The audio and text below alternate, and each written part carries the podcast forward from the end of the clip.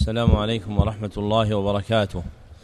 الحمد لله الذي جعل مهمات الديانة في جمل والصلاة والسلام على عبده ورسوله محمد المبعوث قدوة العلم والعمل وعلى آله وصحبه ومن دينه حمل. أما بعد فهذا شرح الكتاب الثامن من برنامج جمل العلم في سنته الثانية أربع وثلاثين بعد الأربعمائة والألف. بدولته الثانية دولة قطر وهو كتاب التعريفات الشرعية للأحكام الخمسة الأصولية للعلامة عبد الله بن عبد الرحمن أبا بطين رحمه الله المتوفى سنة اثنتين وثمانين بعد المئتين والألف. نعم. بسم الله والصلاة والسلام على رسول الله. اللهم اغفر لشيخنا ولوالديه ولمشايخه وللمسلمين والحاضرين. قال المصنف عبد الله بن عبد الرحمن أبا بطين. بسم الله الرحمن الرحيم. القواعد جمع قاعدة وهي حكم كلي ينطبق على جزيئات لتعرف أحكامها. الواجب ما يستحق الثواب بفعله والعقاب بتركه والحرام بالعكس. أي ما يستحق العقاب بفعله والثواب بتركه والمندوب ما يستحق الثواب بفعله ولا عقاب بتركه والمكروه بالعكس أي ما يستحق الثواب بتركه ولا عقاب بفعله والمباح ما لا ثواب ولا عقاب في ولا عقاب في فعله ولا تركه. ابتدأ المصنف رحمه الله رسالته الوجيزة بتعريف القواعد تنبيها إلى أن أصول الفقه له قواعد شيد عليها وهذا أحد مآخذ بيان العلوم وهو المأخذ المعتد به فإن العلوم تعرف بالنظر إلى كونها قواعد فكل علم من العلوم يرد إلى قواعد تجمعه فعلم النحو مثلا يرد إلى قواعد تعرف بها أحوال الكلم إعرابا وبناء وعلم مصطلح الحديث يرد إلى قواعد يعرف بها المروي الراوي والمروي. وكذلك القول في علم أصول الفقه فإنه يرد إلى قواعد. فعلم أصول الفقه اصطلاحا هو قواعد تعرف بها الأحكام الطلبية الأحكام الشرعية الطلبية. قواعد تعرف بها الأحكام الشرعية الطلبية المستنبطة من أدلتها التفصيلية المستنبطة من أدلتها التفصيلية. وهذا الحد جار على قوانين الأصوليين. وأما الفقهاء فلهم شأن آخر كما سيأتي بيانه في حقيقة الفقه والفقيه عند الفقهاء وعند الأصوليين في مقامه من كلام المصنف رحمه الله تعالى. وأول ما أورده المصنف رحمه الله تعالى هو بيان حد القاعدة فقال القواعد جمع قاعدة وهي يعني اصطلاحا حكم كلي ينطبق على جزئيات لتعرف أحكامها فالقاعدة حكم كلي لا جزئي والكلي هو الذي تندرج فيه أفراد كثيرة والكلي هو الذي تندرج فيه أفراد كثيرة وتخلف بعض الأفراد عنه لا يقدح في كليته. وتخلف بعض الأفراد عنه لا يقدح في كليته. ذكره الشاطبي في الموافقات وبه يجاب عن الإشكال الناشئ من وقوع الاستثناء في القواعد فإن القواعد المتعلقة بالعلوم يرد عليها غالبا الاستثناء فيقال ويستثنى من هذه القاعدة كذا وكذا فورود الاستثناء عليها لا يلغي كليتها. لماذا؟ لأن تخلف بعض الأفراد لا يقدح في الكلية فيكفي في ذلك الأغلب فيكفي في ذلك الأغلب. فإذا تصفحت الأفراد استقراء وأدت إلى وجود حكم أغلبي جعل له حكم الكلي. وقيل إنها قاعدة بالنظر إلى أنها أغلبية ووصفت بالكلية. وإن تخلفت بعض الأفراد لعدم القدح في ذلك. وكل فن تعرف قاعدته بنسبتها إليه. فقول المصنف هنا القواعد جمع قاعدة وهي حكم كلي. إذا احتيج إلى تعريف القواعد الأصولية قيل إيش؟ حكم كلي أصولي. حكم كلي أصولي ينطبق على جزئيات لتعرف حقائقها. والأصل في تلك الجزئيات اضطرادها في متعلق واحد أي ردها إلى أصل واحد سواء سمي أصلا أو سمي بابا أو غير ذلك. وبه يفرقون بين الضابط وبين الأصل وهو القاعدة بالنظر إلى اختلاف العلوم. لكن المقصود أن تعرف ها هنا مما يناسب المقام أن القاعدة في كل فن هي حكم كلي يندرج فيه جزئيات متعددة تعرف أحكامها منه وإذا كانت القاعدة منسوبة إلى الأصول زيد فيها أصولي وإذا كانت منسوبة إلى النحو زيد فيها نحوي. والمراد بالحكم هو المراد بالقضية عند علماء العقليات والمراد بالخبر عند علماء المعاني.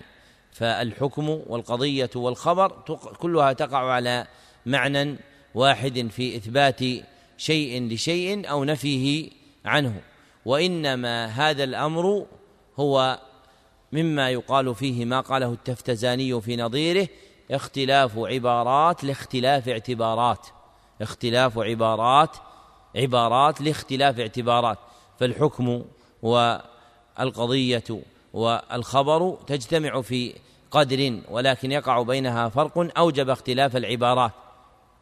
ولذلك قال في السلم, السلم المنورق ما احتمل الصدق لذاته جرى بينهم قضية وخبرا.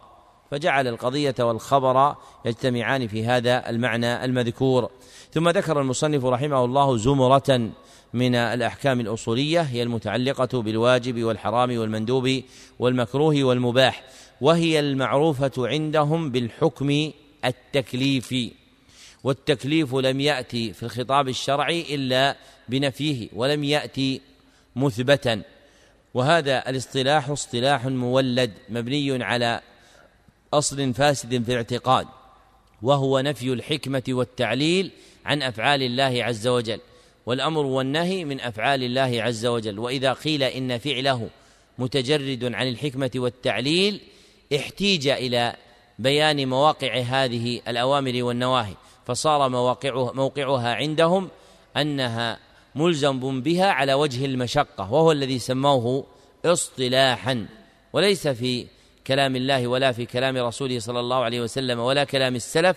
هذا المعنى وإنما نشأ متبطنا إياه اعتقاد فاسد وهذا وجه إنكار من أنكره كأبي العباس بن تيمية الحفيد وتلميذه أبي عبد الله بن القيم. والمناسب تسميته الحكم التعبدي.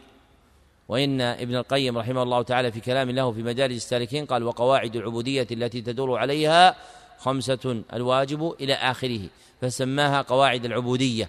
والمناسب للتفعل أن تكون قواعد التعبد. وهذا العلم وهو علم الأصول دخله كثير من الدغل. لما ذكره ابن خلدون من أنه علم مازجته العقليات فنحته عن الشرعيات. مازجته العقليات فنحته عن الشرعيات. وسيظهر هذا في مواقع من القول منها ما ذكرنا لكم في مصطلح التكليف. وهذه الأحكام المعددة في كلام المصنف وهي الواجب والحرام والمندوب والمكروه لوحظ في إثباتها وتعريفها النظر إلى تعلقها بالمحكوم عليه وهو العبد. فقيل فيها الواجب يعني عليه والمحرم يعني عليه والمناسب لصدور الحكم من الله عز وجل أن تنسب إليه سبحانه وتعالى وضعا وإلى رسوله صلى الله عليه وسلم بلاغا. فيقال الإيجاب ولا يقال الواجب ويقال الاستحباب ولا يقال المستحب وهلم جرا. وإذا تقرر هذا فإن في الاصطلاحات التي وضعها الأصوليون للدلالة على الخطاب الوارد في الأمر والنهي ما جاء الشرع ببيانه بيانا كفيلا مغنيا عن اصطلاحاتهم. فمثلا الواجب جاء تسميته في الخطاب الشرعي فرضا والمستحب جاء في الخطاب الشرعي تسميته نفلا تسميته نفلا. والأصل في ذلك حديث أبي هريرة رضي الله عنه في صحيح البخاري وهو حديث إلهي وفيه قول الله عز وجل وما تقرب إلي عبدي بشيء أحب إلي مما افترضته عليه ولا يزال عبدي يتقرب إلي بالنوافل فسمى ما يلزم العبد كما سيأتي بيانه فرضا وسمى ما لا يلزمه ما مما لا مما لم يطالب به نفلا. فالإيجاب عوضه في الخطاب الشرعي الفرض والنفل عوضه في الخطاب الشرعي والاستحباب عوضه في الخطاب الشرعي النفل والكراهة تقع على هذا المعنى في الخطاب الشرعي.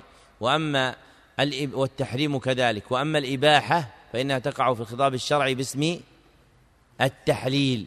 تقع في الخطاب الشرعي باسم التحليل. فصارت الأحكام الخمسة باعتبار الوضع الشرعي أولها الفرض وثانيها النفل وثالثها التحليل ورابعها الكراهة وخامسها التحريم. ويقال في بيانها أما الفرض فهو الخطاب الشرعي المقتضي للطلب اقتضاء لازما الخطاب الشرعي الطلبي المقتضي للطلب المقتضي للفعل اقتضاء لازما ويقال في النفل هو الخطاب الشرعي الطلبي المقتضي للفعل اقتضاء غير لازم. المقتضي للفعل اقتضاء غير لازم. ويقال في التحريم هو الخطاب الشرعي. الطلبي المقتضي للترك اقتضاء لازما. ويقال في الكراهة هي الخطاب الشرعي. الطلبي المقتضي للترك اقتضاء غير لازم. وبه يعلم أن الفرض والنفل يشتركان في شيء ويفترقان في شيء. فيجتمعان في طلب الفعل ويفترقان أن الفرض يكون اقتضاء الفعل فيه اقتضاء لازما وأما النفل فلا. وكذلك يجتمع الكراهة والتحريم في شيء ويفترقان في شيء. فيفترقان فيجتمعان في طلب الترك ويفترقان في أن اقتضاء الترك لازم في التحريم وغير لازم في الكراهة. وأما الإباح التحليل فهو الخطاب الشرعي الطلبي المخير المخير بين الفعل والترك. الخطاب الشرعي الطلبي المخير بين الفعل والترك. يعني يكون العبد فيه مخير بين يفعل وبين ألا يفعل. فكيف عد طلبا؟ كيف قلنا الخطاب الشرعي الطلبي؟ واضح الإشكال؟ ليس فيه طلب أن تفعل ولا طلب أن تترك فيه تخيير بينهم. باعتقاد حله وغير هذا. ها نعم.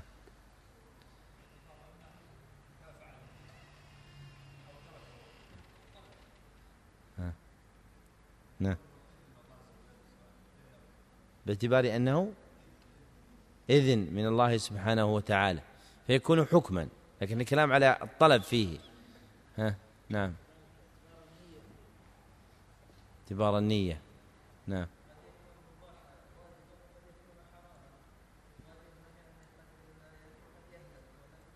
هذا أمر خارج عنه. نحن نريد من, من النظر بالنظر إليه هو لا بأمر خارج عنه.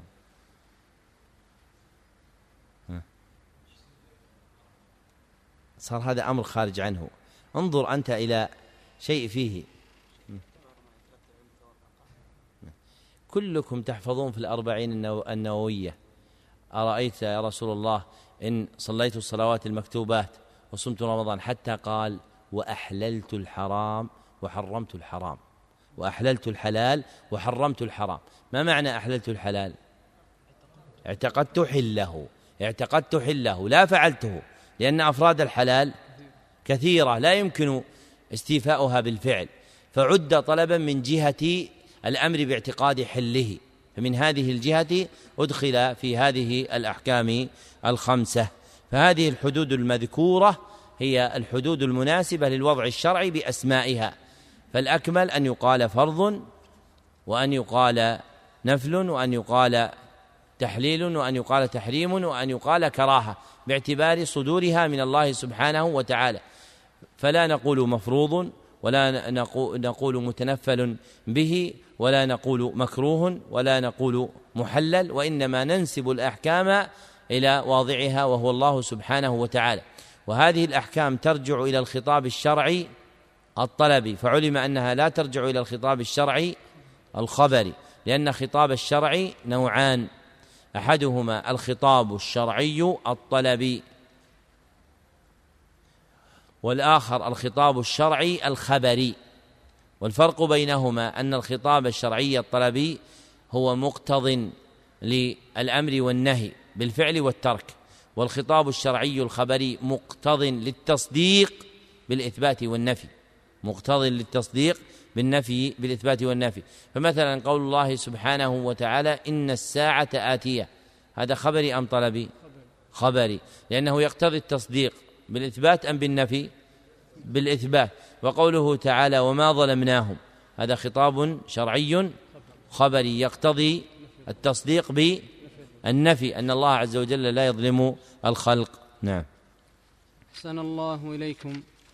قال المصنف والفرض والواجب مترادفان خلافا للحنفية وينقسم الواجب إلى فرض عين وفرض كفاية وإلى معين ومخير. وإلى مطلق ومؤقت والمؤقت إلى مضيق, مضيق وموسع والمندوب والمستحب مترادفان والمسنون أخص منهما والجائز يطلق على المباح وعلى الممكن وعلى ما, وعلى ما استوى فعله وتركه عقلا وعلى المشكوك فيه والرخصة ما شرع لعذر مع بقاء مقتضى التحريم. والعزيمة بخلافه بخلافها. ذكر المصنف رحمه الله زمرة أخرى من مسائل أصول الفقه ابتدأها بقوله والفرض والواجب مترادفان أي كلاهما بمعنى واحد والترادف كما سبق هو في لغة العرب قليل أو معدوم لأن كل لفظ يوضع عند العرب لإرادة معنى فيه لا يكون في غيره فمهما تكاثرت أسماء شيء ففي كل اسم منها ما ليس في الآخر. وهذا مأخذ جيد ومورد نافع في فهم كلام الله وكلام رسوله صلى الله عليه وسلم. فقول المصنف الفرض والواجب مترادفان يعني به يعني به وجود اشتراك في المعنى لكن ليس من كل وجه. ثم قال فيه خلافا للحنفية فمذهب الجمهور أن الفرض والواجب بمعنى واحد وأما الحنفية فإنهم يفرقون بينهما باعتبار ما دل عليهما. فالفرض هو ما كان الدليل الدال عليه قطعيا والواجب ما كان الدليل الدال عليه إيش؟ ظنيا ظنيا والمراد بالقطع ما المراد بالقطع والظن في مباحث الأصوليين؟ أن القطع ما لا يقبل النقيض ما لا يقبل النقيض والظن ما يقبل النقيض والظن ما يقبل النقيض. والصحيح أن الفرض والواجب أن الفرض والواجب بينهما فرق لكنه ليس الذي ذكره الحنفية. وإنما هو الذي جاء في كلام الله وكلام رسوله صلى الله عليه وسلم. ما هو الذي جاء في كلام الله وكلام الرسول صلى الله عليه وسلم؟ هذا من رياضة العقل وهذا مما قلنا أن النظر في القرآن والسنة يوقفك على كثير من المعارف والعلوم التي ربما لم تطلع عليها شمس المتكلمين في هذه المسائل وخاصة العلوم العقلية كالأصول وما تفرع منها. من يذكر آية جاء فيها الفرض. ها يوسف. إن الله فرض هذيك شرع. الله يسلمك شرع. طيب سورة أنزلناها وفرضناها. وقوله تعالى فريضة من الله. وقول ابن عمر فرض رسول الله صلى الله عليه وسلم. انظروا كلمة فرض فرضناها فريضة تنسب إلى من؟ إلى المبتدئ بالحكم. إلى المبتدئ بالحكم. وأما الواجب ففي الصحيحين تقدم معنا غسل يوم الجمعة واجب على كل محتلم. فلما ذكر الواجب علقه بالمحكوم عليه علقه بالمحكوم عليه. فهذا هو الفرق بين الفرض والواجب في الخطاب الشرعي أن الفرض اسم للخطاب الشرعي الطلبي المقتضي للفعل اقتضاء لازما باعتبار صدوره من الحاكم وهو الله سبحانه وتعالى. أنه اسم للخطاب الشرعي الطلبي المقتضي للفعل اقتضاء لازما باعتبار صدوره من الحاكم وهو الله سبحانه وتعالى. وأن الواجب وهو اسم للخطاب الشرعي الطلبي المقتضي للفعل اقتضاء لازما باعتبار تعلقه بالعبد المحكوم عليه باعتبار تعلقه بالعبد المحكوم عليه. فهذا الفرق بينهما بدلالة الخطاب الشرعي. ثم ذكر رحمه الله تعالى مسألة أخرى فبين أن الواجب ينقسم باعتبارات مختلفة. فأول تلك التقاسيم تقسيمه إلى فرض عين وفرض كفاية. والفرق بينهما أنه ينظر فيه في فرض العين إلى الفاعل وينظر فيه في فرض الكفاية إلى الفعل أنه ينظر فيه في فرض العين إلى الفاعل وينظر فيه في فرض الكفاية إلى الفعل. ففي فرض العين يكون كل فاعل مطالبا بذلك الواجب. وأما في فرض الكفاية فإن المطلوب من الفاعلين وهم العباد هو الفعل لا الفاعل.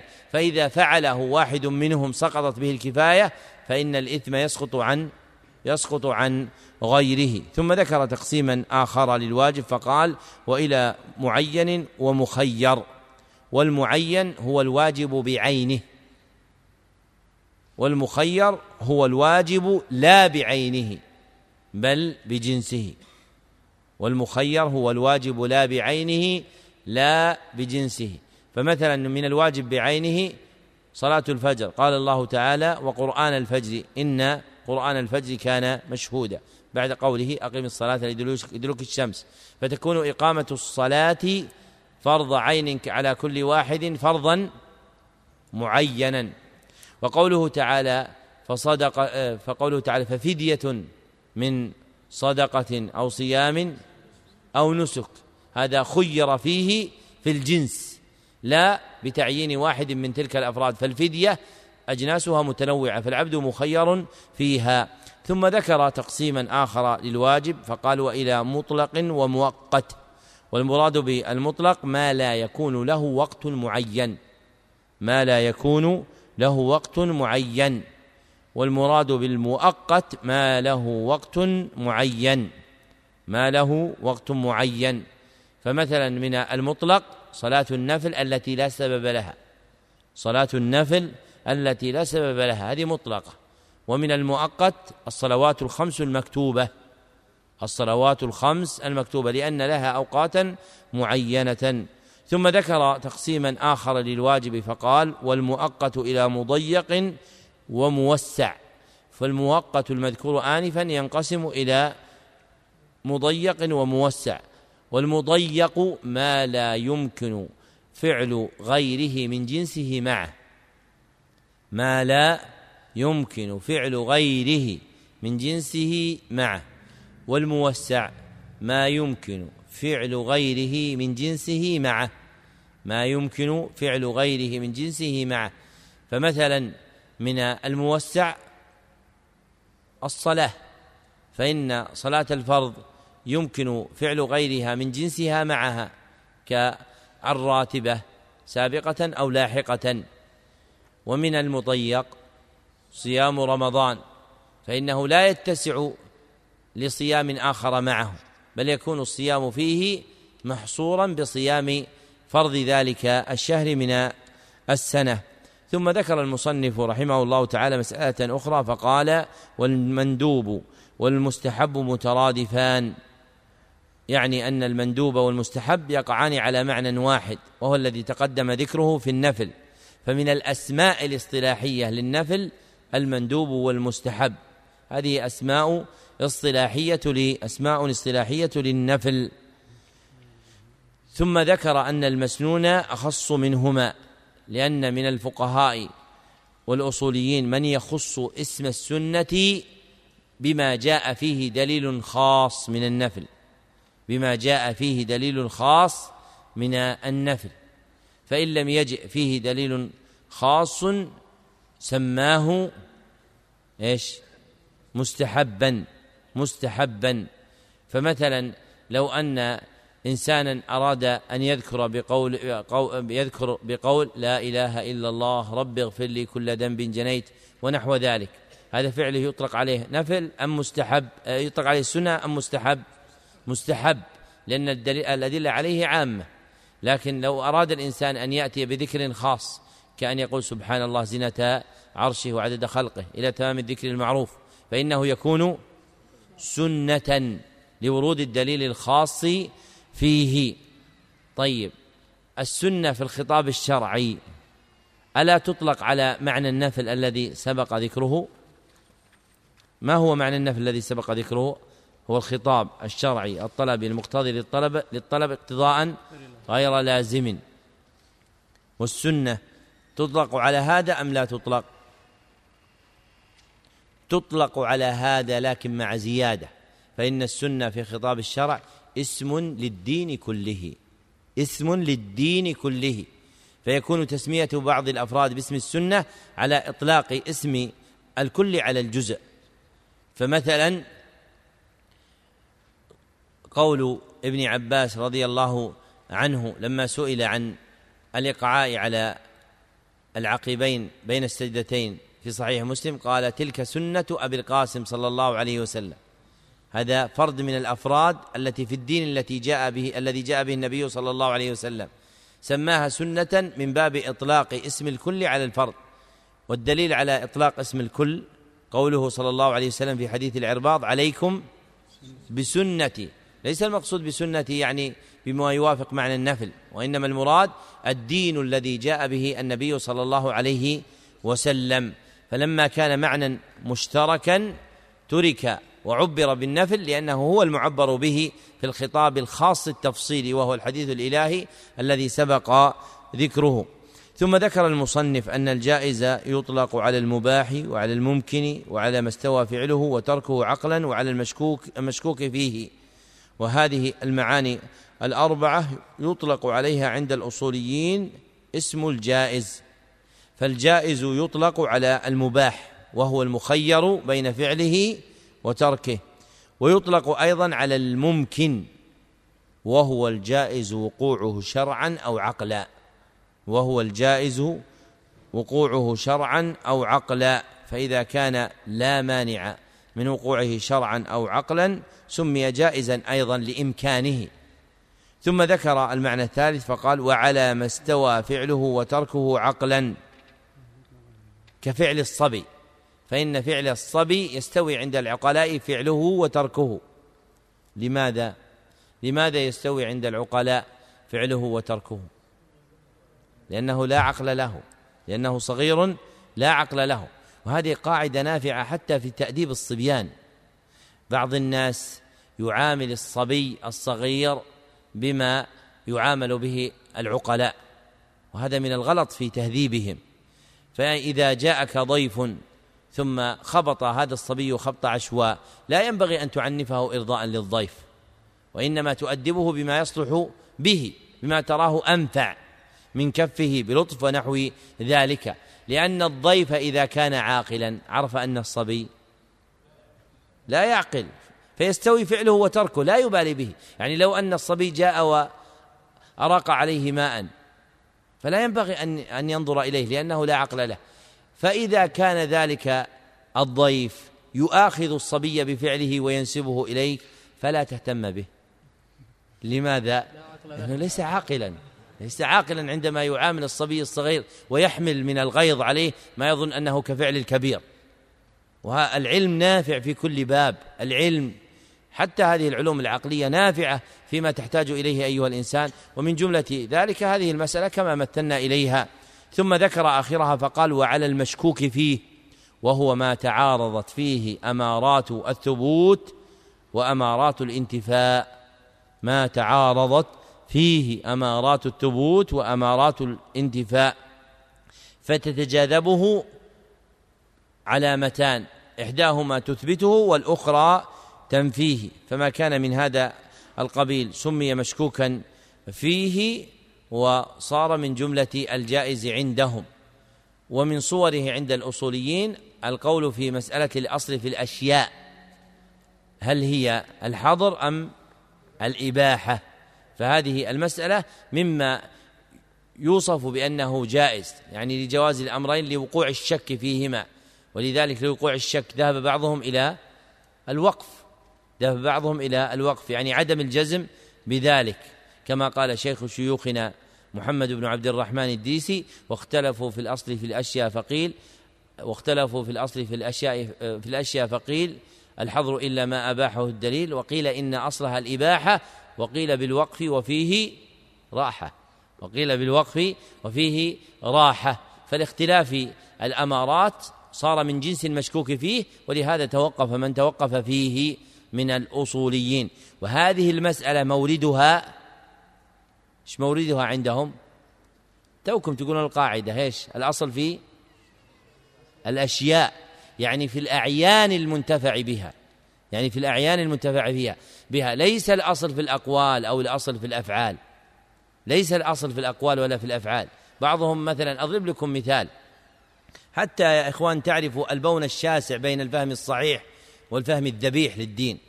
فمثلا عندما يذكر أحدهم أدلة جواز المظاهرات فيقول الدليل الأول أن الأصل في الأشياء الإباحة فتكون جائزة.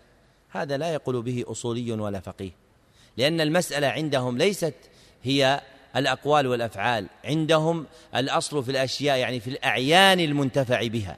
الأعيان المنتفع بها التي تحصل بها منفعة. وليس الأفعال والأقوال.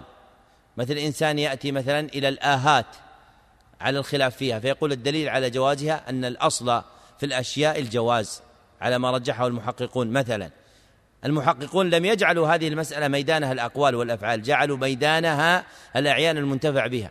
فمثلا هذا الجوال يصح أن نقول فيها الأصل في الأشياء إيش؟ الجواز عند من يقوله أو الأصل فيه الحظر عند من يقوله لأنه عين ينتفع بها. أما القول والفعل ما تجري عليها هذه القاعدة. وهذا صار يقع كثيرا في علم أصول الفقه وقواعده في فتاوى المعاصرين لأنهم يخلطون بين مآخذ الاستدلال وموارده لأن العلم صار اليوم ثقافة وفكر ليس علما. تجد أنه معارف عامة.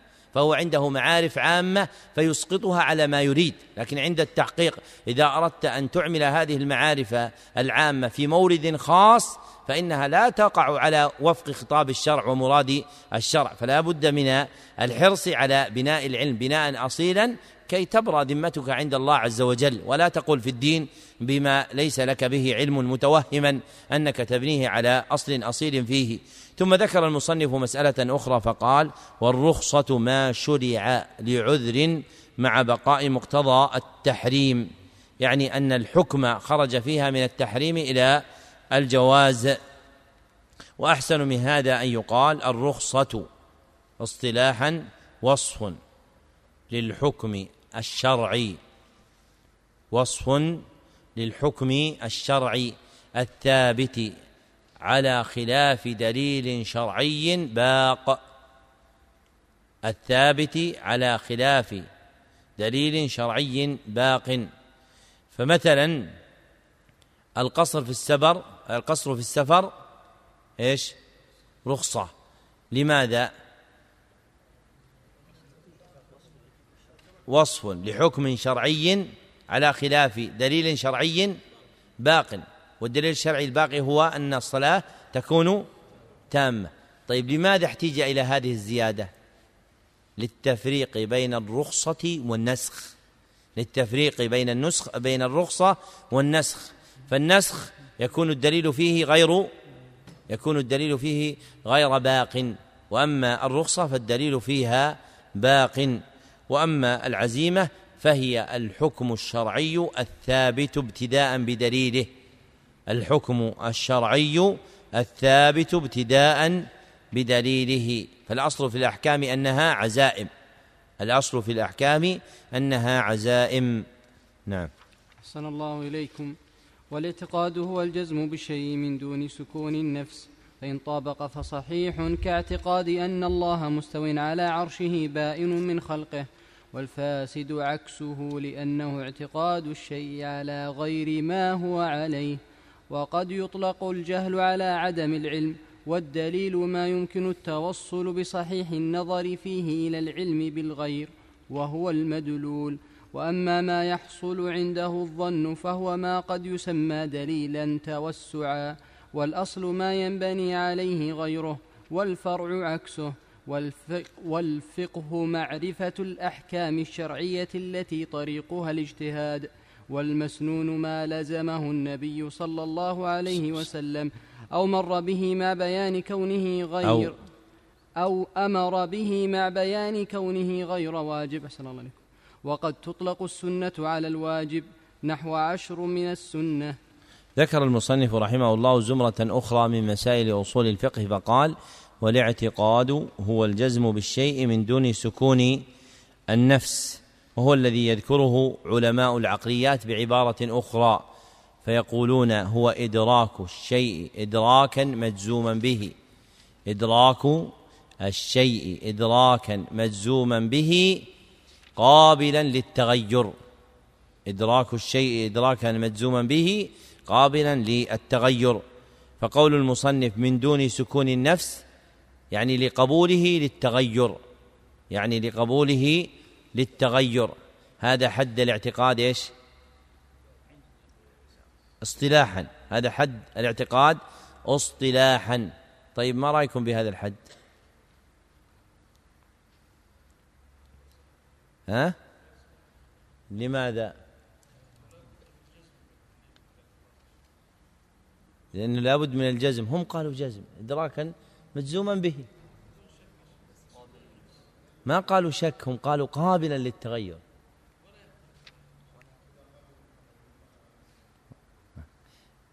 طيب كم تريدون أن آتي لكم بكتاب من الكتب التي صنفت في العقيدة وجعل في مقدماتها تعريف الاعتقاد هذا التعريف؟ لماذا؟ لأنه النقل دون فهم. لأن المتكلمين في حقيقة الاعتقاد هذه يجعلون أصل ثبوت الاعتقاد الأدلة الكونية للأدلة الشرعية. فهم إذا جعلوا أصل الاعتقاد هو الأدلة الكونية صارت قابلة للتغير. أما إذا جعل أصل الاعتقاد الأدلة الشرعية فإنها غير قابلة للتغير. فهذا التعريف لا يجري على عقيدة أهل السنة والجماعة وإنما يجري على طريقة الأشاعرة وغيرهم ممن يرى أن أول واجب هو النظر أو القصد إليه أو الشك في ذلك على أقوال عدة. معروفة عندهم ولهم أدلة في كل لكن هذه مبنية على النظر الكوني إلى دليل الكون وهو الذي أرادوه. وأما عقائد أهل السنة فلا تكون كذلك لا تكون قابلة للتغير. ولذلك لا يصح أن يذكر هذا تعريفا للعقيدة السنية السلفية الصحيحة لأنها تكون غير قابلة للتغير وإنما وقع في كلامهم هم لأجل أن هذا هو مورده. فهمتم؟ هذه موارد الكلام في الأحكام مهمة جدا. أن تعرف لماذا صدر هذا الكلام وما مورده كي لا تقع فيه. فإن من الناس من يذكر كلاما يظنه لأهل السنة وهو لا يجري على قواعد أهل السنة وإنما يجري على قواعد غيرهم. لكن دخل في في كلامهم ومازج كلامهم حتى صار شائعا وينقل في تآليفهم المصنفة في أنواع العلوم. كالمنقول هذا في كالمنقول هنا في الكلام على الاعتقاد. ثم ذكر المصنف رحمه الله تعالى أن الاعتقاد إن طابق فصحيح أي إذا طابق الدليل فهو صحيح كاعتقاد أن الله مستو على عرشه بائن من خلقه يعني منفصل عنهم غير مختلط بهم.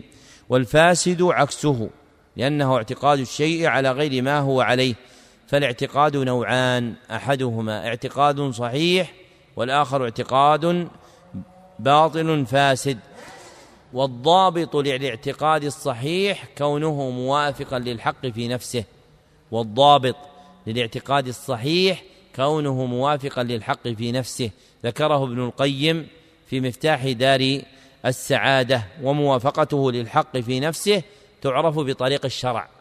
وموافقته للحق في نفسه تعرف بطريق الشرع. فيكون الاعتقاد الفاسد هو الاعتقاد المخالف للشرع. فيكون الاعتقاد الفاسد هو الاعتقاد المخالف للشرع. مثل إيش الاعتقاد الفاسد؟ ها؟ في أهل قطر من لا يعتقد هذا ما يعتقدونه. هذا شيء مما يحتاجه الناس. هذا هو الذي صرنا طلبة العلم. أمثلتنا وأحوالنا وكلامنا وتطبيقنا يأتي على أشياء كلامك صحيح لكن أقصد أننا نحتاج إلى إعمال هذا الكلام فيما يفعله الناس. أنا أذكركم شيء تستفيدونه. بعض الناس الآن إذا بنوا بيتا أو وجدوا عللا في أبدانهم ذهبوا إلى أركان البيت فنثروا فيه الملح. نثروا فيه الملح. هذا معروف موجود. هذا الذي نحتاجه. نحتاج نعرف حكمه. يقولون لأنه يطرد النفوس الخبيثة من الجن والشياطين. ما الدليل؟ قالوا التجربة. التجربة أثبتت ذلك. ومعلوم أن الأسباب نوعان. أحدها سبب شرعي وهو ما عرف بطريق شرع والآخر سبب قدري وهو ما عرف بطريق القدر ومنه التجربة. فما الجواب عنه؟ الجواب أن هذه دعوة لا حقيقة لها لأن المجرب فيه عالم غيبي لا يطلع عليه. ما أدراهم أن الجن والشياطين ذهبت أو خافت أو تكره هذا؟ لا يمكن القطع به لأنه عالم غيبي. ولذلك من من فقه هذا عرف أن المنسوب إلى الجن الأصل فيه عدم الصحة لأنه عالم غيبي لا يقطع به. ففعل ذلك لا يجوز وهو اعتقاد فاسد لعدم وجود الدليل القائم عليه. أيضا من المشهور عندنا وعندكم في قطر في هذا الباب أنهم صاروا الآن للأسف كانوا أول صاروا يأتون بذئاب في البيت الآن صاروا يأتون بجلد الذيب ويعلقون في البيت يقولون الجن إيش؟ يتخاف من الذيب ويقولون حدثنا أبي عن أبيه عن جده عن أخيه أنهم رأوا رجلا كان فيه جني فلما أتوا له بذئب أنه قد أفاق من ما كان فيه من من الشيطنة التي تحل فيه ومن الصراع الذي يحل فيه. هذا دليل ام ليس دليلا؟ ليس دليلا لأنك ما أدراك أن الجن يفر. الشياطين تتلاعب بهم. وهذا أحواله الآن ترى كثيرة في الناس. في أهل الخير والدين مثل غيرهم وخاصة في الرؤى والمنامات. فينبغي أن أن يبني الإنسان عقائده على ما يوافق الشرع. فإذا صار هذا أصلا لم يتلكأ في ان هذا اعتقاد فاسد وأنه لا يجوز فعله.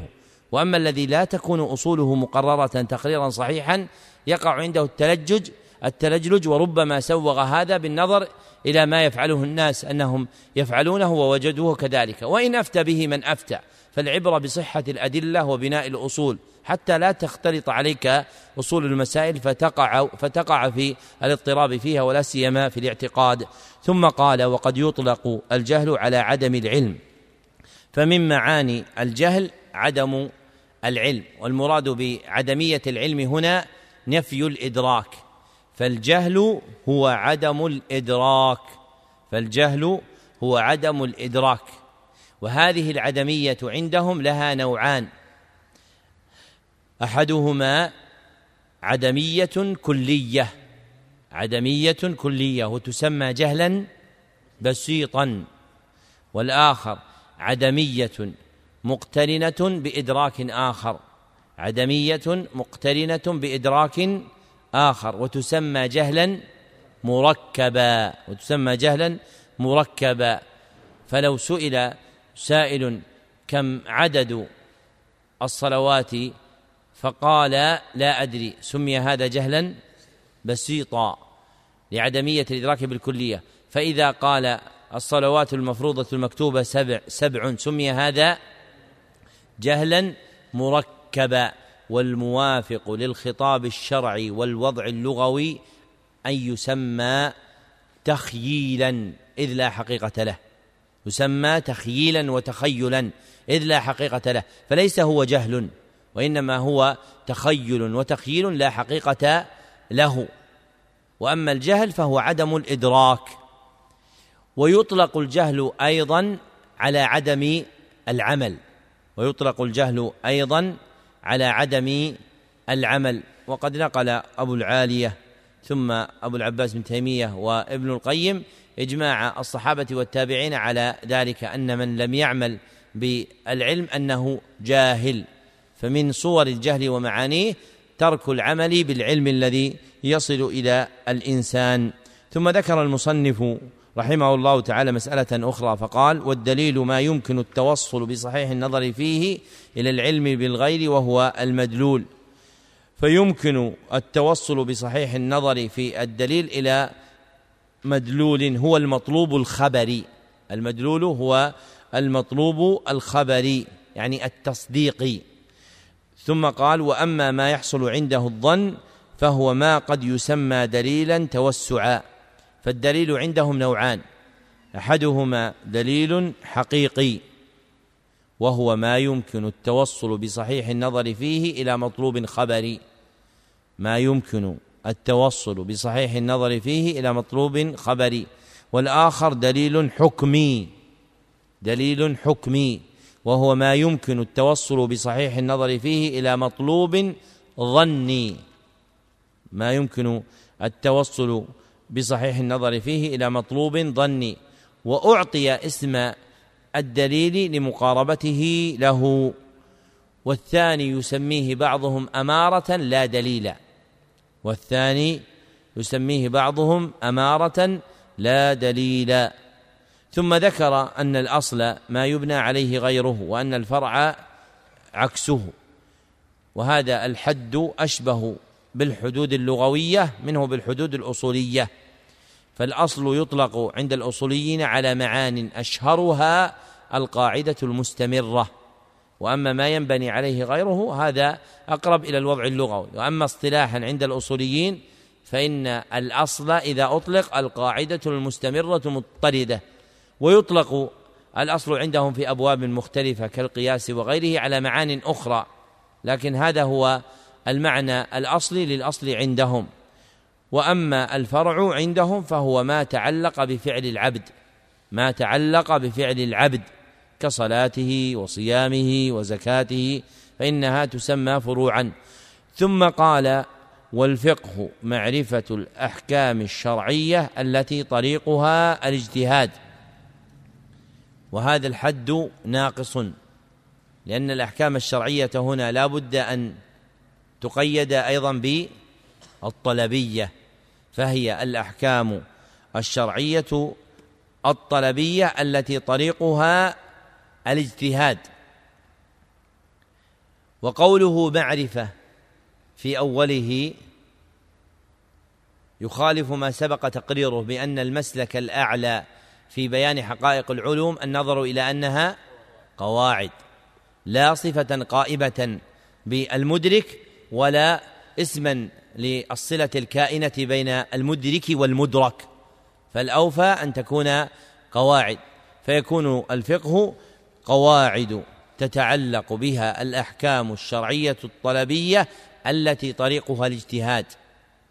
وهذا الحد جار على اصطلاح الأصوليين للفقهاء.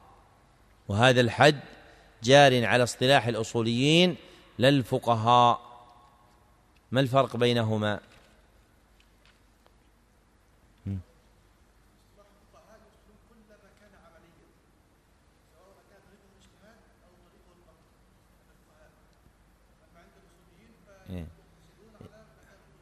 إيه، إذن لا تقل ما كان عمليا. كلهم يجتمعون في العمل لأنه طلبي. ولكن مثل ما قلت أن الأصوليين يخصون الفقه بالمسائل الاجتهادية. وأما الفقهاء فإنهم يجعلون الفقه اسما للمسائل الاجتهادية وغير الاجتهادية. فهم لا يقيدون. فقيد التي طريقها الاجتهاد هذا قيد عند الأصوليين. وأما الفقهاء فلا يقيدونها بذلك وأي الطريقين أعلى؟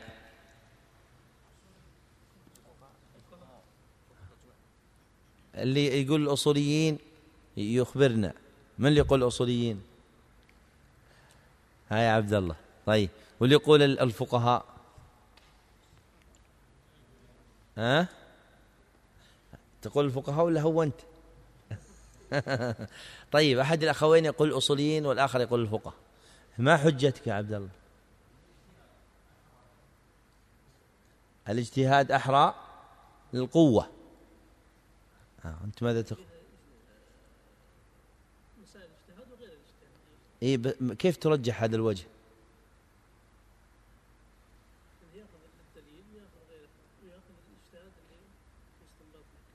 يعني يدخل فيه ما يستنبط استنباطا اجتهادا ويدخل فيه ما لا يستنبط.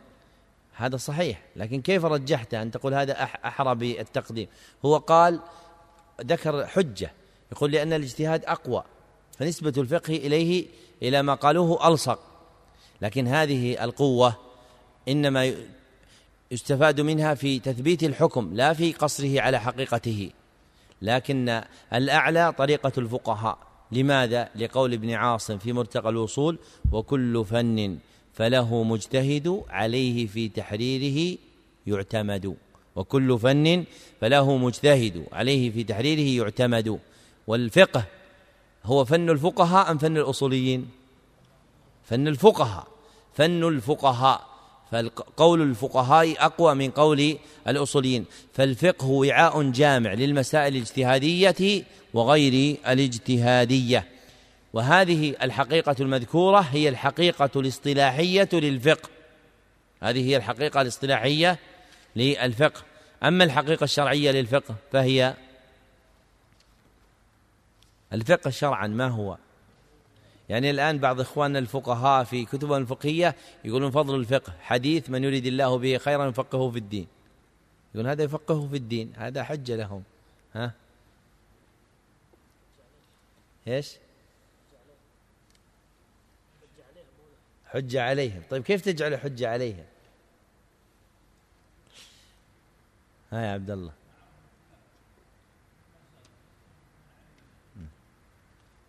يعني أنت جزاك الله خير يعني وافقت يعني من أشار من العلماء أن الفقه قديما كان يطلق على معرفة الله أصلا. فالفقه كان اسما للدين كله ثم مع تقاصر الناس عن الإحاطة بمدارك الشريعة فرقوا علومها. أشار إلى هذا ابن الجوزي في صدر منهاج القاصدين وغيره. والفقه شرعا هو إدراك خطاب الشرع والعمل به. إدراك خطاب الشرع والعمل به. وهو الوارد في حديث من يريد الله به خيرا يفقهه في الدين. يعني إنسان يعني في التفسير ليس في الفقه المصطلح عليه. ما يدخل في حديث من يريد الله به خيرا يفقهه في الدين؟ لا يمكن. هذا من ما جاء به النبي صلى الله عليه وسلم. فالفقه له حقيقة لغوية وحقيقة اصطلاحية وحقيقة شرعية وهي التي ذكرناه وبينه أبو عبد الله بن القيم في مفتاح دار السعادة. ثم قال المصنف والمسنون ما لازمه النبي صلى الله عليه وسلم أو أمر به مع بيان كونه غير واجب. وهذا يرجع إلى المعنى المتقدم المذكور للنفل. فإن السنة على هذا المعنى الخاص ترجع إلى النفل. وتقدم بيان أن الأصل أن السنة اسم للدين كله. ثم قال وقد تطلق السنة على الواجب نحو عشر من السنة. والمحفوظ في كتب الرواية المشهورة من الصحاح وغيرها عشر من الفطرة لكن الفقهاء والأصوليين يذكرونه بهذا اللفظ. وقد صرح الحافظ ابن حجر بأنه لم يجده بهذا اللفظ يعني بلفظ عشر من السنة. وهو موجود عند ابن عدي في الكامل من حديث ابن عباس رضي الله عنهما أن النبي صلى الله عليه وسلم قال عشر من السنة لكن إسناده لا يصح والمحفوظ فيه ما في صحيح مسلم عشر من من الفطرة. وهذا مما يذكرك بقاعدة وكل فن فله مجتهد عليه في تحريره يعتمد. فالأحاديث يعول فيها على ذكر الأصوليين والفقهاء أم على ذكر المحدثين؟ على ذكر المحدثين. فلا يأتي إنسان ويقول هذا حديث حجة لأنه ذكره الفقهاء. شيخنا الشيخ محمد رافع البوصيري رحمه الله تعالى ناشر علوم السنة في بلاد الحبشة الذي بقي يدرس الأحاديث النبوية أكثر من ثمانين سنة وتوفي عن ثلاث بعد المئة. هذا الرجل لما ابتدأ في تعليم الناس السنة وهم شافعية وعندهم الفقه كان يقول هذا حديث ضعيف فكانوا يضحكون يقولون كيف ضعيف؟ هذا مذكور في كتب الفقهاء. فيستغربون أن يقول هذه المقالة. فما مات رحمه الله تعالى حتى ملأ الحبشة ممن قرأ عليه كتب الحديث.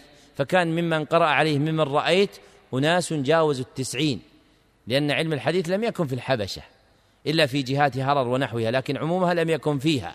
ومنهم من قرأ عليه وهو ابن ستة عشر عاما رحمه الله تعالى رحمة واسعة. فكل فن يوكل ينظر فيه إلى أهله وإلا إذا جئت للفقهاء يقولون باب الإقرار عمدته حديث لا عذر لمن أقر.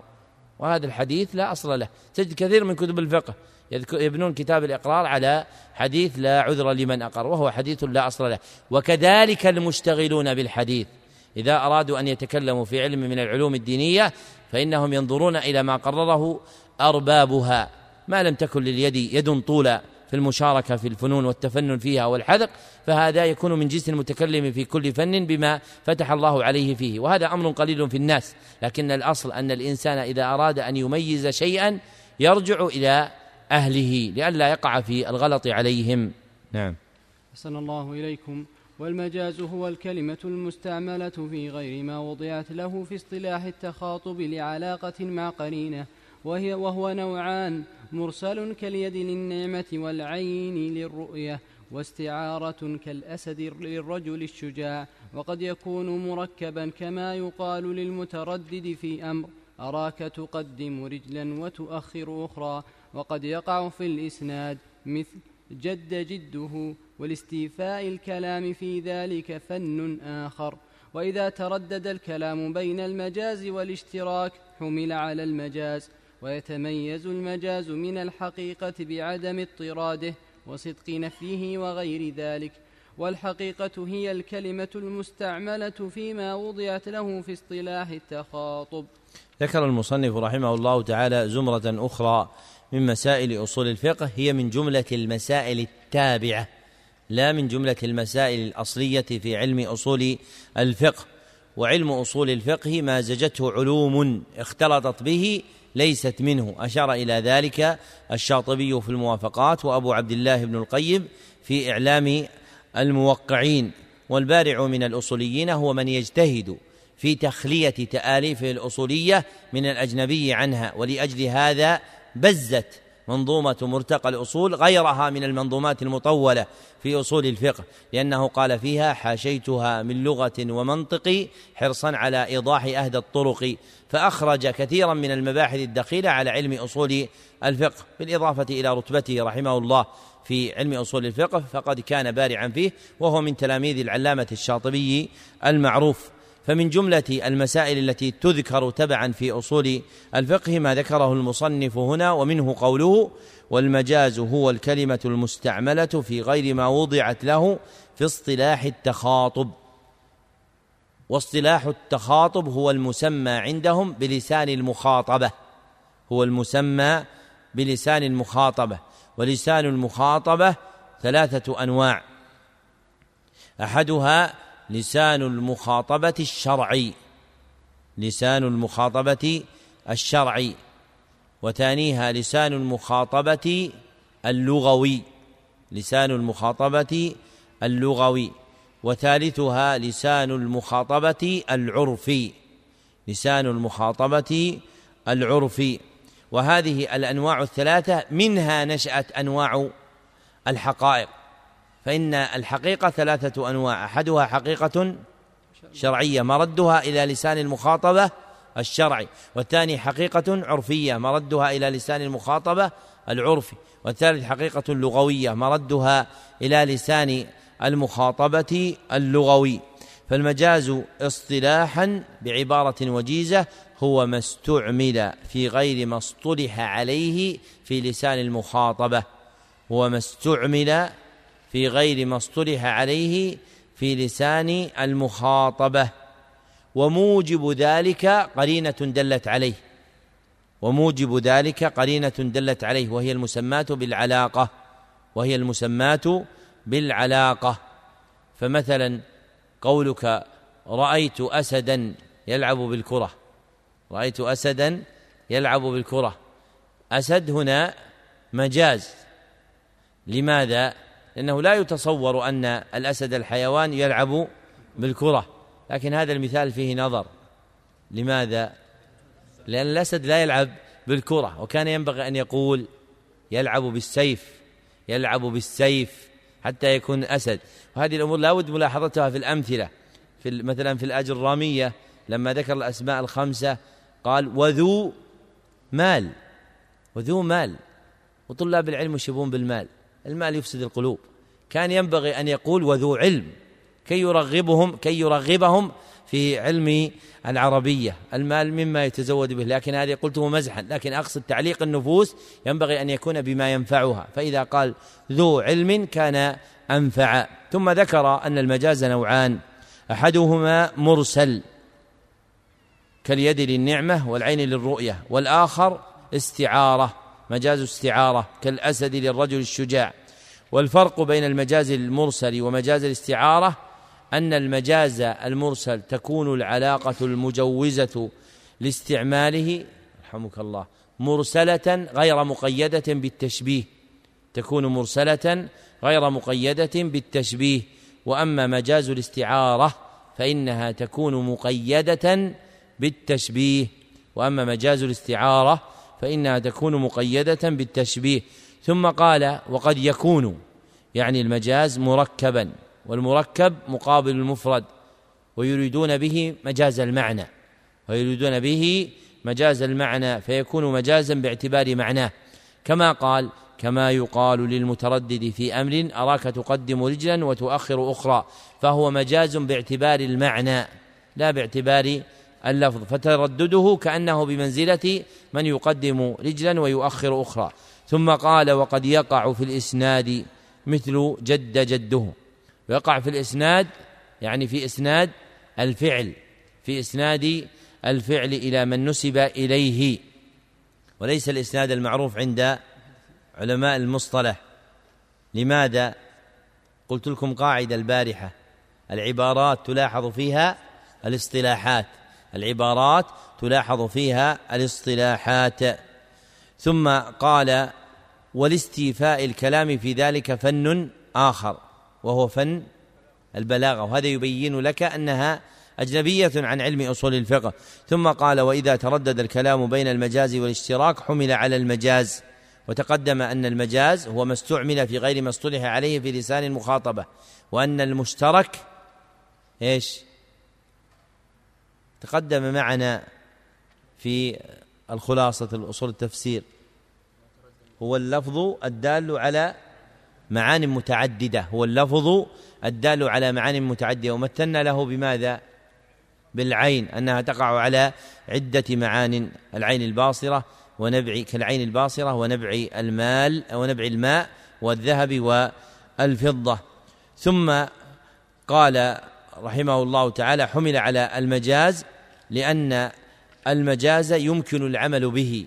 المجاز يمكن العمل به. وأما المشترك فلا يمكن لتعدده. وأما المشترك فلا يمكن لتعدده. ثم قال ويتميز المجاز من الحقيقة بعدم اضطراده أي بعدم وجوده في جميع الأفراد. بعدم وجوده في جميع الأفراد. فإذا قلت زيد أسد هذه الأسدية للشجاعة لا توجد في جميع الأفراد. قال وصدق نفيه أي صحة نفيه عن من وصف به. فإذا قلت فلان أسد أمكن أن يقول غيرك فلان غير أسد. وليس المقصود نفي حقيقته أنه ليس حيوانا وإنما المقصود نفي الوصف المستفاد من جعله أسدا على إرادة المجاز. ثم قال والحقيقة هي الكلمة المستعملة فيما وضع له في اصطلاح التخاطب يعني في لسان المخاطبة. فالكلمة المستعملة فيما جعلت له في لسان المخاطبة تسمى حقيقة فإن استعملت في غيرها تسمى مجازا.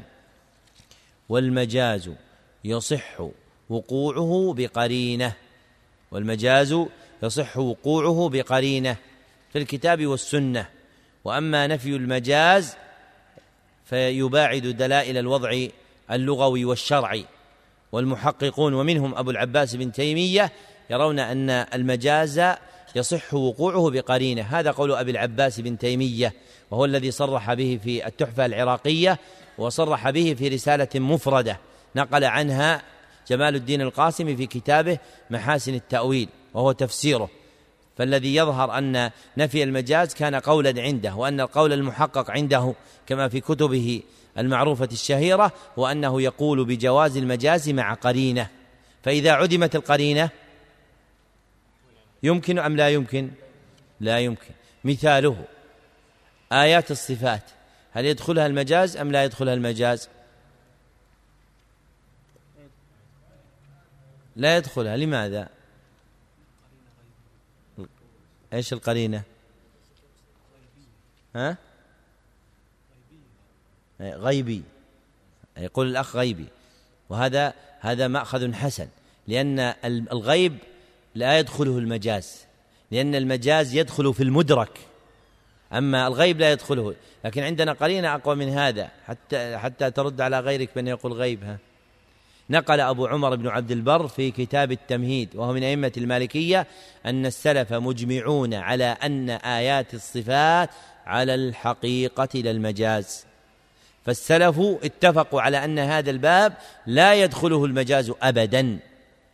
وكذا الغيب لأجل الإراد الذي ذكرناه من كونه غير مدرك. والمجاز إنما يكون فيما يمكن إدراكه والغيب لا يمكن إدراكه فلا يمكن الجزم على نقل لفظ من معناه إلى معنى آخر لقرينة. نعم. أحسن الله إليكم.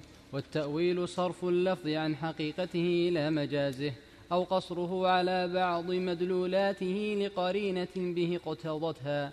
وقد يكون قريبا فيكفي فيه أدنى مرجح أو بعيدا فيحتاج إلى الأقوى ومتعسفا فلا يقبل.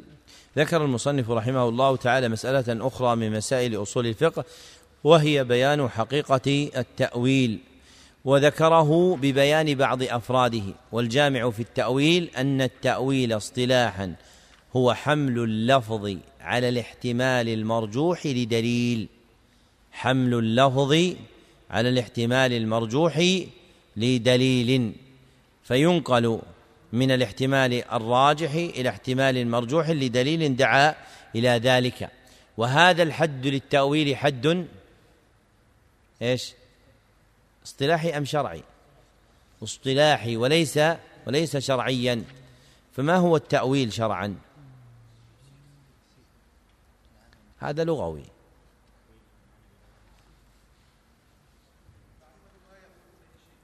معرفة ما يؤول إليه الشيء. هذا شبه التفسير.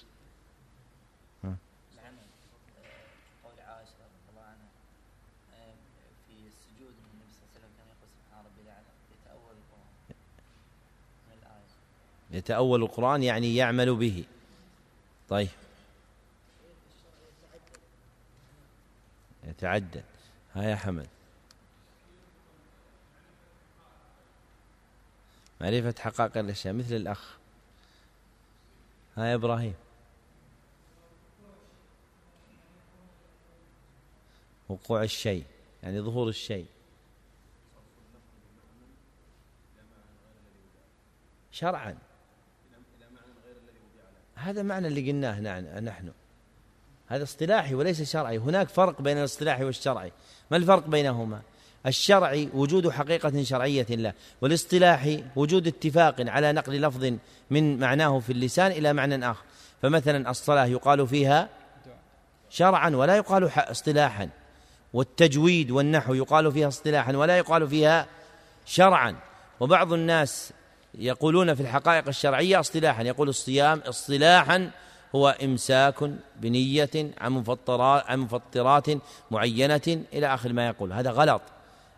الحقائق الشرعية يعبر بأنها شرعا والمواضعات الاصطلاحية يقال فيها اصطلاحا والتأويل ذكرنا معناه هنا اصطلاحا وأما شرعا فإن التأويل شرعا هو إدراك خطاب الشرع والعمل به مع معرفة ما تصير إليه الأمور إدراك خطاب الشرع والعمل به مع معرفة ما تؤول إليه الأمور.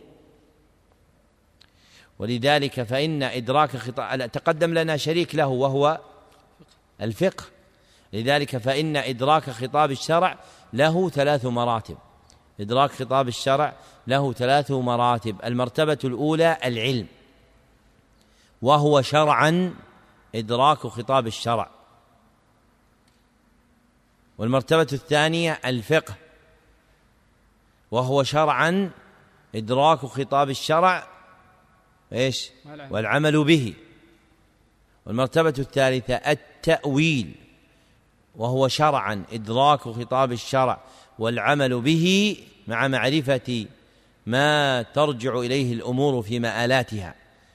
مع معرفة ما ترجع إليه الأمور في مآلاتها. ذكر هذه المراتب الثلاث أبو عبد الله ابن القيم في مفتاح دار السعادة وشيخ شيوخنا ابن سعدي في مجموع الفوائد. وأعظمها أيها ثالثها وهو الذي دعا به النبي صلى الله عليه وسلم لابن عباس وهو الذي دعا به النبي صلى الله عليه وسلم لابن عباس. فالنبي صلى الله عليه وسلم ما دعا لابن عباس بعلم التفسير. هذا فرد من الأفراد الذي تدخل في حقيقة التأويل شرعا. دعا له بأعظم من ذلك وهو أن يكون له إدراك لخطاب الشرع مع العمل به ومعرفة ما تؤول إليه الأمور. وهذا الأمر الثالث لا يترشح إليه لا يترشح له كل متكلم في العلم بل إنما يترشح له من اقترنت به صفات كصلاحه وطول عمره وكثرة تعليمه وإفتائه. فهذا هو الذي يكون له يد في التأويل ويتحقق به قول الشاعر ستعلم إذا انجلى الخبار أفرس تحتك أم حمار فهذا هو الذي يعرف ما تؤول إليه الأمور. ولذلك من, من هذه الأمثلة التي تبين لكم معرفة ما تؤول إليه الأمور أن ابن القيم رحمه الله تعالى ذكر أن أبا العباس مر مع بعض أصحابه على بعض جند التتر الذين يشربون الخمر وهم في سكر فأراد أن ينهاهم يعني عن شرب الخمر. فنهاه أبو العباس بن تيمية عن نهيهم. لماذا؟ لأنهم إذا لا ينتسبون إلى الإسلام لما دخلوا إلى دمشق. لأنهم إذا استيقظ أفاقوا من سكرهم عثوا في الأرض فسادا أشد بالقتل والسلب والاغتصاب. فنهاه عن ذلك. هذا هو الذي يتبين فيه معرفة التأويل يظهر به حال الإنسان. ولذلك أحد الصلحاء عندنا أراده بعض الأمراء على الإمارة فاستشار بعض العلماء في ذلك. فقال إن أردت رأيي فلا تلي له شيئا لأنك إذا وليت شيئا صرت تابعا له في الولاية تنفذ ما أراد لكن كن معظما عنده فإن جئته في أمر بالمعروف استجاب لك وإن جئت في نهي عن المنكر استجاب لك. وهذا عين معرفة التأويل أن الإنسان يطلب الأحظى للمسلمين فيما تؤول إليه الأمور. وهذا لا يدركه الشاب لا يدركه إلا من جرب وطالت به السن. ولا يدركه أيضا من لا يعلم ولا ينشر العلم ولا يفتي الناس لأنه لا يحيط بأحوال الناس إلا من مازجهم. فالذي يكون في وظيفة منسوبة إلى الإفتاء والتعليم ثم لا يمارس هذه الوظيفة ثم يتكلم في المسائل العظمى هذا لا يوفق إلى التأويل. وكذلك من لا يكون صالحا الصلاح الأتم. لا يكون كذلك وإنما من كان صالحا هو الذي يرشد في ذلك. ذكرت لكم أن الإمام أحمد رحمه الله تعالى لما سئل من نسأل بعدك فذكر رجلا فقال له ابنه عبد الله إن غيره أعلم منه فقال إنه رجل صالح يوشك أن يسأل فيسدد يعني يعان على إصابة الحق. فهذه المرتبة الثالثة من أرادها يحتاج إلى أمور عظيمة إنما تكتسب بطول المدة والأيام. ثم ذكر المصنف رحمه الله تعالى أن للتأويل ثلاث مراتب. المرتبة الأولى التأويل القريب وهو ما قرب ما قوي مأخذه واحتمله اللفظ. ما قوي مأخذه واحتمله اللفظ. والثاني التأويل البعيد التأويل البعيد وهو ما بعد مأخذه ولم يحتمله اللفظ. ما بعد مأخذه ولم يحتمله اللفظ. والثالث التأويل المتعسف. التأويل المتعسف. وهو ما لا يحتمله اللفظ ولا وليس له مأخذ. ما لا يحتمله اللفظ وليس له مأخذ. فمثل هذا تأويل متعسف يعني متكلف. مثل من يقول إن الله لمع المحسنين. يقول إن الله لمع المحسنين يعني من اللمعان. يقول كل محسن تلقى عليه لمعة. هذا تأويل إيش؟ متعسف. لأنه لا يدل عليه اللفظ ولا يحتمله ولا قال به أحد في تفسير كلام الله سبحانه وتعالى. وعش رجبا ترى عجبا. نعم. أحسن الله إليكم. والاجتهاد استفراغ الفقيه الوسع في تحصيل ظن بحكم شرعي. والفقيه من يتمكن من استنباط الأحكام الشرعية عن أدلتها وآماراتها التفصيلية وإنما يتمكن من ذلك من حصل ما يحتاج إليه فنه من علوم الغريب والأصول والكتاب والسنة ومسائل الإجماع والتقليد هو اتباع قول الغير من دون حجة ولا شبهة ولا يجوز التقليد في الأصول ولا في العلميات. ويجب في العلمية المحضة الظن ويجب. في العمل آه، أحسن الله عليكم. ويجب في العملية المحضة الظنية والقطعية على غير المجتهد ولا يجوز له تقليد غيره مع تمكنه من الاجتهاد ولو أعلم منه ولو صحابيا ولا فيما يخصه ويحرم بعد أن اجتهد اتفاقا. انتهى والله سبحانه وتعالى أعلم. ذكر المصنف رحمه الله تعالى زمرة أخرى من مسائل أصول الفقه فقال والاجتهاد استفراغ الفقيه الوسع والمراد بالوسع الطاقة والاستفراغ يكون ببذل الجهد والاستفراغ يكون ببذل الجهد بضم الجيم وتفتح أيضا فيقال الجهد فالاجتهاد اصطلاحا هو بذل الجهد في تحصيل ظن بحكم شرعي. بذل الجهد في تحصيل ظن بحكم شرعي. ومتعلقه عند الفقهاء الأحكام الشرعية الطلبية. ومتعلقه عند الفقهاء الأحكام الشرعية الطلبية. فهي التي يلتمس الوقوف على حكمها. وأما الأحكام الشرعية الخبرية فليست مجالا لهم. فالقول فيها لعلماء الاعتقاد. ثم قال والفقيه من يتمكن من استنباط الأحكام الشرعية عن أدلتها وأماراتها التفصيلية. وهذا اصطلاح من؟ الأصوليين. وهذا اصطلاح الأصوليين. لأنهم يرون أن الفقيه هو المجتهد. أن الفقيه هو المجتهد. ويسمون من كان فقيها غير مجتهد يسمونه فروعيا. وكان أبو محمد بن عبد السلام يقول إنما هؤلاء فروعيون وليسوا فقهاء. يعني يدركون فروع الفقه لكن ليسوا فقهاء لأن الفقيه عندهم هو المجتهد. والصحيح أن اسم الفقه يشمل المسائل الاجتهادية ويشمل المسائل الاجتهادية وغيرها. ثم قال وإنما يتمكن من ذلك يعني من الاجتهاد. من حصل ما يحتاج إليه فنه. من علوم الغريب إلى آخره. فلا يكون المرء فقيها مجتهدا حتى يتمكن من تحصيل ما يحتاجه فنه. يعني فن الفقه. وأحسن المصنف بتقييد المفتقر إليه بأنه المحتاج إليه. فهذا هو الذي يقوم به الاجتهاد. فالذي يقوم به الاجتهاد من العلوم الأخرى هو ما يحتاج إليه الفقيه.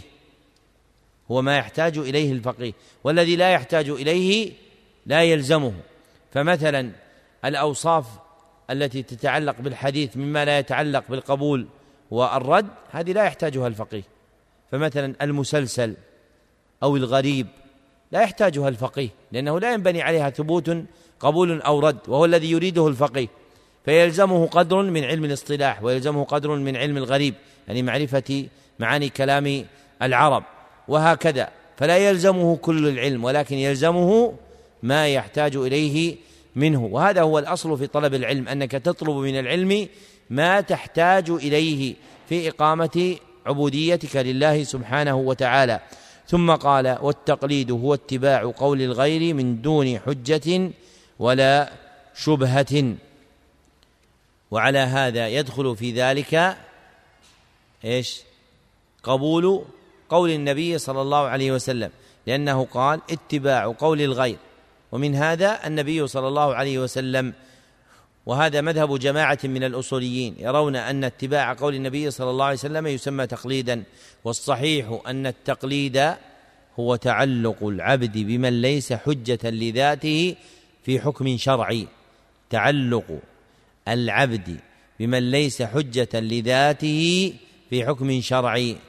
والنبي صلى الله عليه وسلم حجة لذاته حجة لذاته. ثم قال ولا يجوز التقليد في الأصول ولا في العلميات. ومرادهم بالأصول ما تعلق بالاعتقاد ومرادهم بالعلميات ما علم من الدين بالضرورة كصيام رمضان والزكاة والصلاة. والتفريق للدين بالأصول والفروع له معنيان. أحدهما أن الأصول هي الاعتقادات وأن الفروع هي العمليات. أن الأصول هي الاعتقادات والفروع هي العمليات.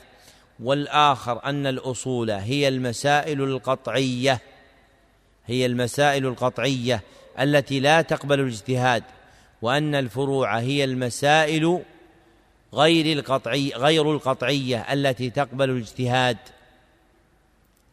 والصحيح من هذين المعنيين الثاني دون الأول. الثاني دون الأول. فالأول هو قول المعتزلة ومن تبعهم لما ولدوه وهو خلاف الأدلة الشرعية. وأما الثاني فهو صحيح أن ما كان قطعيا يسمى أصلا سواء كان من الاعتقادات أو كان من العمليات. فمثلا أن الله في السماء هذا قطعي وهو في الاعتقاد وأن الصلوات خمس هذا قطعي وإن كان في العمليات. وأما ما لم يكن قطعيا فإنه يسمى فرعا ولو كان في الفقه. فمثلا رؤية الكفار ربهم يوم القيامة هذا من فروع الاعتقاد لأن لأهل السنة فيه ثلاثة أقوال لخفاء الأدلة في ظهور أحد الأقوال على الآخرين. ولو كان في ال ال كذلك في العمليات سمي فرعا كالوتر فهو فرع لأنه لا يقطع هل هو واجب أم غير واجب. فالأول معنى باطل والثاني معنى صحيح والأول هو الذي أنكره أبو العباس بن تيمية وتلميذه أبو عبد الله بن القيم والثاني هو الذي استعملاه هما وغيرهما. فالمعنى الصحيح للأصول هو المعنى الثاني أن الأصول هي المسائل القطعية التي لا تقبل الجهاد الاجتهاد سواء في باب الخبر أو باب الطلب عن باب الطلب. وأن الفروع هي التي تقبل الاجتهاد سواء كانت هنا أو هناك. ثم قال المصنف ويجب يعني التقليد في العملية المحضة الظنية والقطعية على غير المجتهد يعني في الأحكام العملية التي يسمونها بالفروع. فإنه يكون واجبا على غير المجتهد وهو العامي. فالعامي يجب عليه التقليد لأنه لا قدرة له على معرفة أحكام الشرع فضلا عن الإحاطة بدلائلها. ولأجل هذا قال الشاطبي فتاوى المجتهدين كالأدلة في حق المقلدين. فتاوى المجتهدين كالأدلة في حق المقلدين.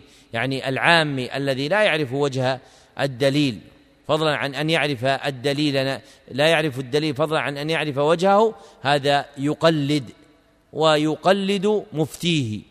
فكل مسألة فكل مسألة مسائل الدين يستفتي فيها مفتيه فيفتيه مفتيه بما يظهر له أنه الحق فيكون مذهبه هو مذهب مفتيه. وهذا هو الذي جرى عليه الناس في إفتاء العامة.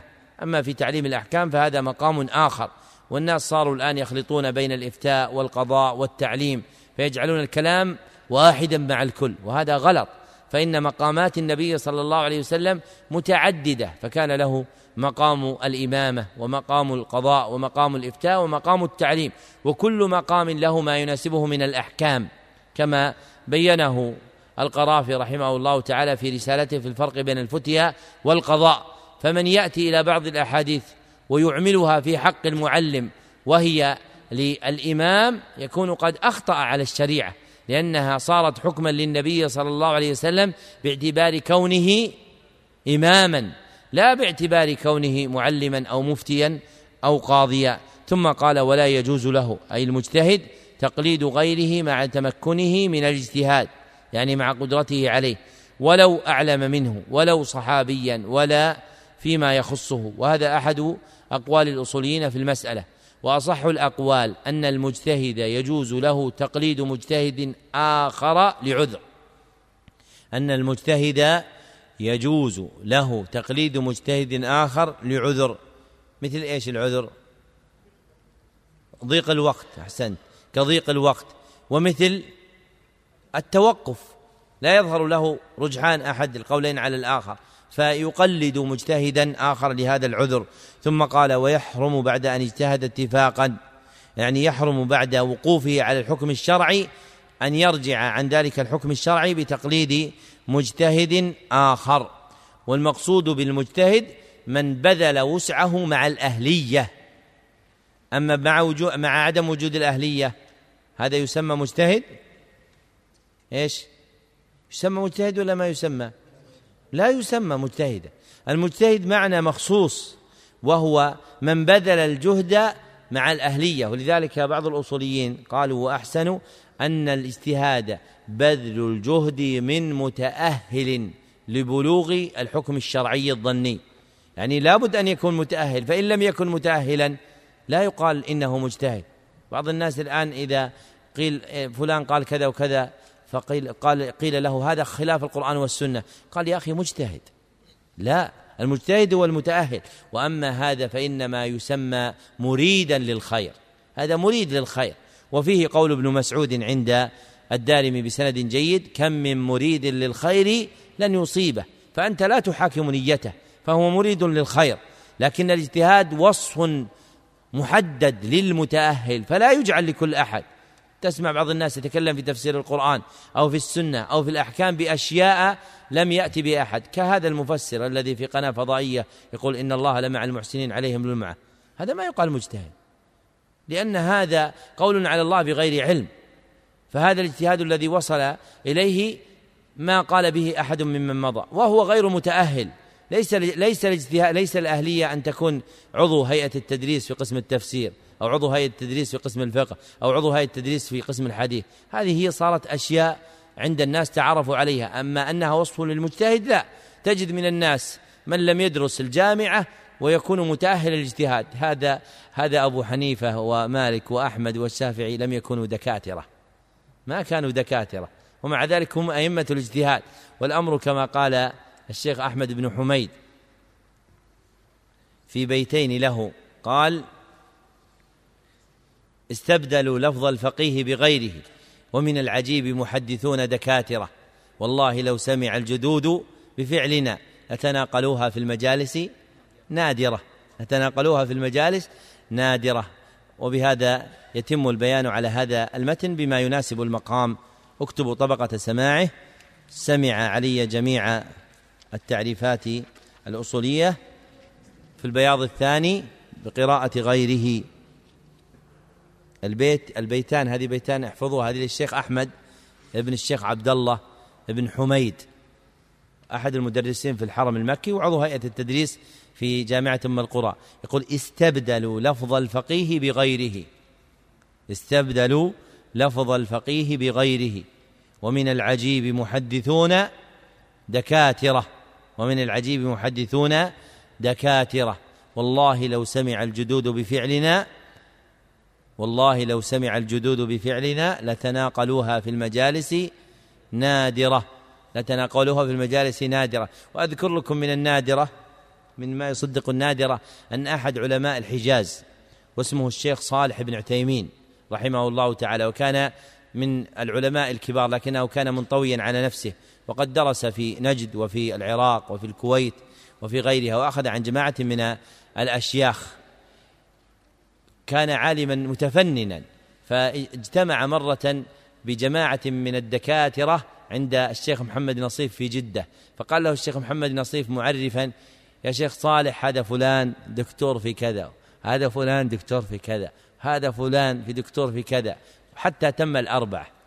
فقال لهم الشيخ صالح للأول قال ما تقول في مسألة كذا وكذا بيبحث معه فما وجد عنده شيء من المشكلات في علمه. ثم انتقل إلى الآخر ثم انتقل إلى الآخر ثم انتقل إلى الآخر. فضحك ضحكا عظيما وقال يا شيخ محمد هؤلاء دكاترة في ماذا؟ يقول أنا في المع... العلوم التي أن تقول دكاترة فيها هو يظن أن الدكتور على ما وقع أول اللقب أنه يعني الغاية في العلم فبحث معهم في المسائل فما وجد تحت الرواء ظلا فعرف أنها اسم بلا يعني بلا حقيقة. وليس هذا أصلا في كل أحد بل هناك الحمد لله ممن يحمل هذه الشهادات ممن هو من أصحاب العلم لكن المقصود أن أصل التأهيل هو وجود المعاني الشرعية ليس الشهادات التي تعرف عليها الناس. فتم له ذلك في مجلس واحد وأجزت له روايته عني إجازة خاصة من معين لمعين بإسناد المذكور في بوارق الأمل لإجازة طلاب الجمل. الحمد لله رب العالمين.